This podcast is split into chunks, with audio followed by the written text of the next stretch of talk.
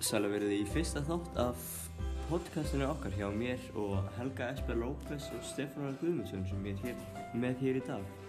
Sæði strákar. Vertu verið blessuð maður, á. Eru þið ekki öll komin í jólafílingin eða Jú, jú, jú. búin að kaupa jólapakka eða? Já, jólagjafir. Ég er enda ekki að kaupa neina jólagjöf. Ah. Og skellum okkur bara beint í podcastið.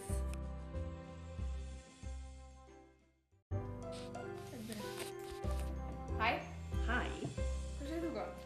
ég sé sko allt gott.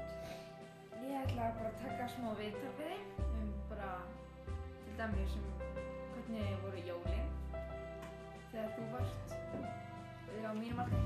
Já, ég get nú alveg, ég er ekki svo gömur, ég er ekki alveg búin að gleyma því. Nei. En hérna, já, bara takk fyrir að, að mér er mikill heiður síndur að, að ég skuli vera að byrja um í viðtal. Mér finnst það bara ekki rosalega gaman. Heyrðu, við ætlum að tala um jólin. Já, Mér finnst það eiginlega alveg svolítið merkilega að hugsa um jólin. Og ég er náttúrulega fullt af barnaböndum. mm.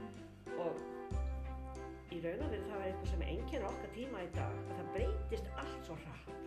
Ekki samanlega því. jú, algjörlega. Við upplifum bara svo mikla breytingar og svo í svo og, svo, mörgum og líka bara hvernig við erum sjálf, hvernig við erum einstilu, hvernig við hugsum og komum fram og svona. Mm En það er svo skrítið að eitt sem að breytist bara eiginlega aldrei Já, og það er jólahalda. Þú ert aðeins upp við einhvern veginn að halda jólin á vissan hátt með þínu fjölskyldu, getur verið allavega. Og svo fara börnin sjálf að heima og fara að búa og þá halda þau bara nákvæmlega sömu jólun og voru heima hjá, er það ekki? Jú, Eða reyna að gera það, auðvitað alltaf Jú. einhver breyting. já, Og ég sjálf, 73 ára, já, ég er bara búin að hafa s- sams konar jólahald alveg frá því ég byrjaði að búa fyrir 52 ára síðan.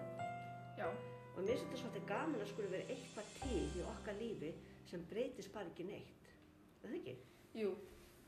En til dæmis, hvað er eitthvað búin að breytast?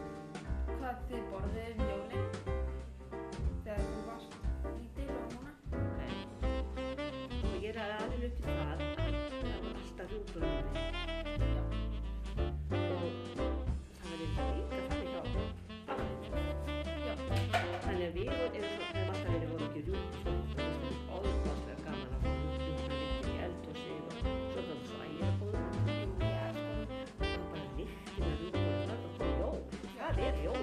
já, Þannig að svona það í aðri sem eru með eitthvað annað í matinn og þá er það bara jólið þeirra.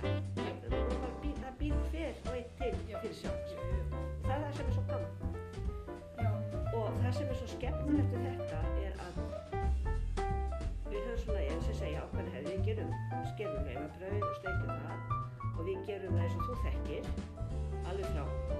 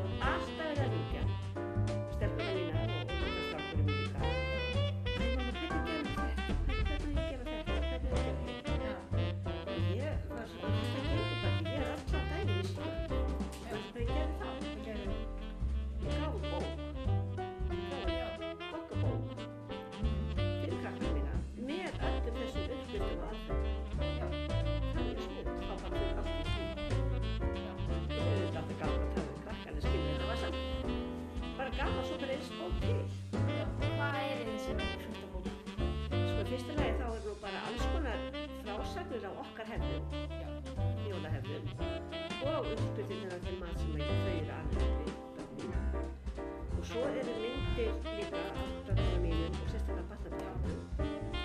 Ég var því að vera að gera bókina og ég myndir það að passa rosa vel með jafnmarga myndir af öllu. Þannig að það er ekki að segja, já, það er fleiri myndir af þessu. En þetta það er bæði myndir og frásagnir og uppskriftir. Og ég held að þessi bók sé bara notuð á öllum heimilum. Já, sko spyrja mömmuðinu það, Já, ég, ég, ég, ég kannast þessu bók. er það ekki? Var, En þetta er svona seg, það sem ég er byrjað að tala um að þetta er eitt af því sem hefur kannski ekki mikið breyst. Auðvitað verður breytast allir hlutir og sem betur fer. já, En það er líka gaman að stíla eitthvað svona gott og jákvæmt sem að við höldum bara gaman eins og okkar síðan.